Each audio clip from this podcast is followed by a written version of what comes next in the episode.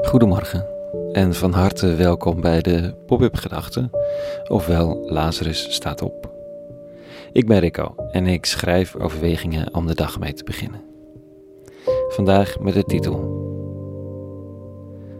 Thuis. Pop-up Gedachten, maandag 25 oktober 2021. Thuis trek ik mijn schoenen uit. Ik hoef even nergens meer heen. Soms kom je thuis bij vrienden en staan de schoenen in de gang. Ook dan de veters los, de schoenen in de hoek, op kousenvoeten aan tafel. Thuis. Thuis is niet per se een plek. Thuis is vooral een moment. Sinds corona is namelijk thuis ook de plek waar we werken, waar we aanstaan, waar er gevraagd wordt om te leveren. En de een werkt er op kousenvoeten en in pyjama, de ander trekt een net blouseje aan, want dat is toch het enige wat je ziet op het scherm. En derde bakend werkend thuis af door zich te hullen in werkkleding en de schoenen, het jasje en de nette broek. En die pas weer uit te doen als de videocalls voorbij zijn. Dan is het tijd voor die sokken en de slobbertrui. Thuis is niet een plek. Thuis is een gebeuren. Kan de wereld thuis zijn? Kan de planeet mijn plek zijn waar ik veilig ben? Het heelal. Hoe graag zou ik niet de week beginnen, zeker zo na een vakantiebreak, met die gedachte of die overtuiging dat waar dan ook ter wereld, binnen die dampkring onder de sterren op het aardoppervlak, dat het daar overal thuis is. Dat overal de schoenen uit mogen en de voeten met sokken onder tafel mogen worden gestoken. Thuis zijn als vriend of vriendin aan een planetaire tafel. Want dit groenblauwe bolletje is thuis. Thuiswerken krijgt dan opeens een heel andere betekenis. Dat is, dan is trainen naar je werk thuis.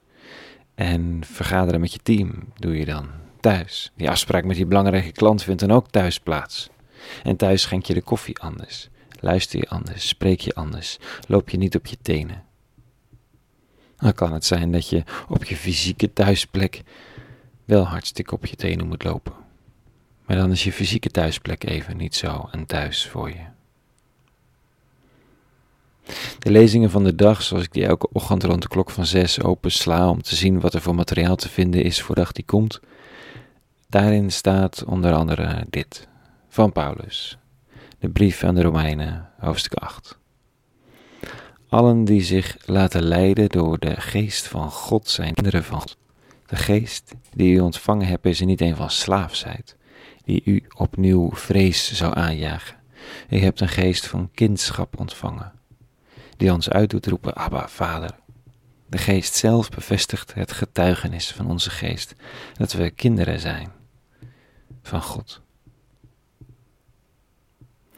Het is oude taal, een andere wereld. Het zijn woorden die gebruikt en misbruikt zijn door de eeuwen heen voor allerlei doelen. Maar als ik door mijn oogharen lees naar de toon luister, raken deze woorden aan een universeel verlangen. Voorbij de slaafsheid, voorbij de angst, voorbij de prestatiedrang of de vrees om te falen. Thuis als een kind die zijn schooltas in de hoek gooit en naar zijn speelgoed rent, of naar zijn boek. Herinnering aan ontbijtkoek met boter en thee naar school. Een plek voor mezelf waar ik kan lachen en huilen.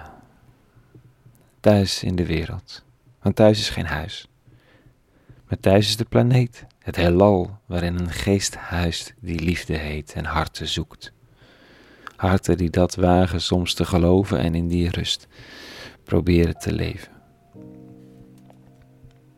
En zoals je thuis niet als een thuis kan voelen, omdat de spanning soms om te snijden is, omdat vrijheid geschonden wordt om allerlei redenen. Zo kan het thuis in dit heelal ook verrekt onveilig voelen en onveilig zijn. Zie het om eens terug te vinden, die veiligheid. Zomaar trekken we ons terug op ons slaapkamertje waar niemand kan komen, als een puber die even niets in zijn hoofd wil. En het is soms hartstikke nodig, maar de rest van het huis is ook thuis. En het is fijn en zinnig om het met die ogen te zien. Af en toe. Het verlangen te voeden en me zo in die wereld te bewegen alsof het thuis is, waar ik ook ben en waar ik je ook tegenkom. een hele goede maandagmorgen gewenst. Een goed begin van je week. Morgen weer een nieuwe pop-up gedachte. En voor nu, vrede gewenst. En alle goeds.